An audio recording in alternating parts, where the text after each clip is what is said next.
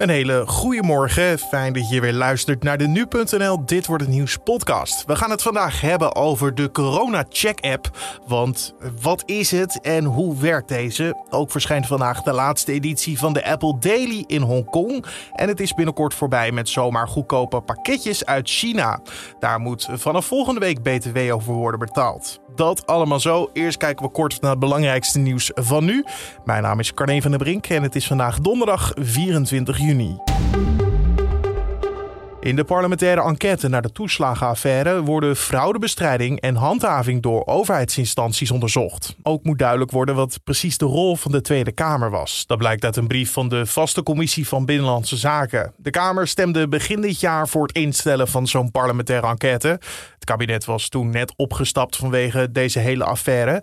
Begin juli moet er een commissie komen die een onderzoeksvoorstel gaat opstellen. De gemeente van Amsterdam staat het horecazaken toe om op terrassen grote schermen te zetten. Hier kunnen ze dan EK-wedstrijden op uitzenden. Vanaf zaterdag mogen die schermen worden geïnstalleerd. Zo kan de eerstvolgende wedstrijd van Oranje zondag op het terras worden bekeken. Er worden geen schermen geplaatst in parken of op pleinen om drukte te voorkomen. En de gemeente adviseert mensen daarom om op tijd een plekje te reserveren voor terras. Bezoekers moeten altijd anderhalf meter afstand houden en de schermen mogen niet zichtbaar zijn vanaf de openbare weg. Britney Spears heeft de rechter emotioneel verzocht om een einde te maken aan het curatorschap van haar vader. Daardoor mag ze al 13 jaar niets beslissen over haar eigen leven. Het was de eerste keer dat de zangeres zelf het woord nam in de rechtszaal, wel via een online verbinding. Spears zei dat ze eerder dit jaar loog op sociale media toen ze zei dat het goed met haar ging, want ze is juist niet blij, kan niet slapen, is depressief en huilt elke dag. De zangeres zei in de rechtbank dat het voelt alsof ze een slaaf is, omdat ze niet zelf mag bepalen wanneer ze op vakantie gaat of een optreden mag afzeggen als ze zich niet goed voelt.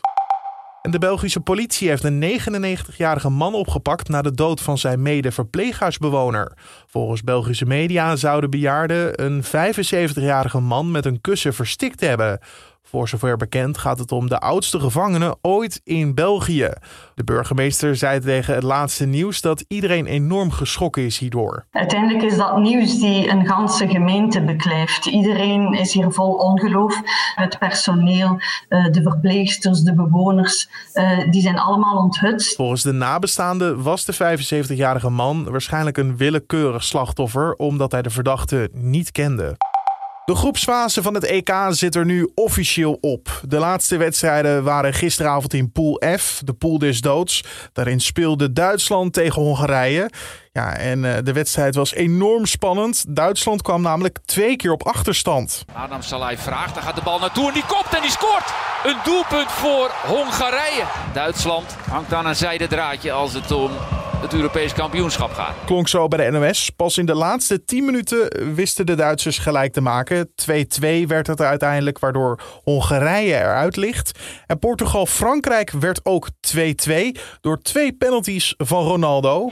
Ronaldo en daar is de 109e goal. En hiermee even naar het Ronaldo het wereldrecord van het aantal interland goals. En nu zijn alle achtste finales bekend. Oranje speelt zondag tegen Tsjechië. En dan over naar de dag van vandaag. Wat staat er allemaal te gebeuren? Vanaf vandaag kan je een vaccinatiebewijs aanmaken in de Corona Check app. Daarmee kan je vervolgens naar evenementen toe zonder dat je dan ook een negatief testbewijs hoeft te overhandigen. Vanaf volgende week, 1 juli, wordt het dan ook mogelijk om de app te gebruiken om een reisbewijs voor binnen de EU aan te maken.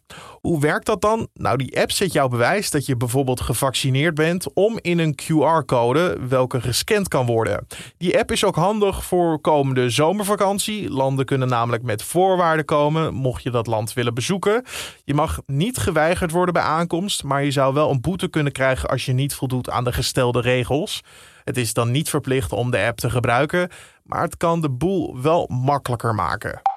En vandaag verschijnt de laatste editie van de grote pro-democratische krant Apple Daily in Hongkong. De krant verkeert in acute geldnood omdat de bankrekeningen zijn bevroren door de autoriteiten. Dat kon gebeuren vanwege de omstreden veiligheidswet, waar we het gisteren ook al even over hadden in de podcast. De Apple Daily staat bekend om de steun aan de pro-democratische beweging in Hongkong. Vorige week viel de politie het pand waar de redactie zit binnen, nam apparatuur in beslag en arresteerde medewerkers onder wie de hoofdredacteur. En vanaf volgende week donderdag 1 juli moet op alle aankopen van buiten de EU BTW worden betaald. Tot nu toe waren producten die minder dan 22 euro kosten daarvan vrijgesteld. PostNL rekent trouwens nog eens extra kosten voor het innen- en afdragen van die BTW. Dat varieert van 4 tot 7 euro per pakketje. DHL laat aan nu.nl weten geen extra kosten te zullen rekenen. Nou, wil je hier meer over lezen? We hebben een uitgebreid artikel gemaakt op onze economie-katern op de website of in de app. En dan het weer van vandaag. Hoe ziet het eruit? We vragen het aan Raymond Klaassen van Weerplaza. Vandaag zijn er zonnige perioden, maar er trekken ook wolkenvelden over. Met name in het zuidoosten kan het grotendeels bewolkt blijven.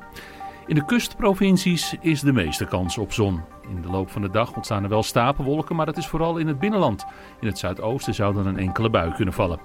De temperatuur die loopt op naar zo'n 18 graden aan zee en diepe landinwaarts kan het 20 of 21 graden worden. Er waait een zwakke tot matige wind uit noordelijke richtingen. Dankjewel Raymond Klaassen van Weerplaza.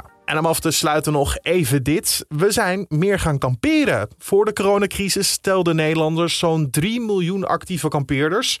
Maar vanwege alle beperkingen van het coronavirus hebben veel meer mensen de buitenlucht ontdekt. Volgens de ANWB heeft Nederland er een miljoen kampeerders bij gekregen. Kamperen gebeurt vooral in Nederland en landen in de buurt. En volgens de ANWB is dit aantal kampeerders een blijvertje. En voordat je de tent op gaat zetten of de barbecue al klaarmaakt voor vanavond, wil ik je nog even zeggen dat dit de podcast was voor donderdag 24 juni.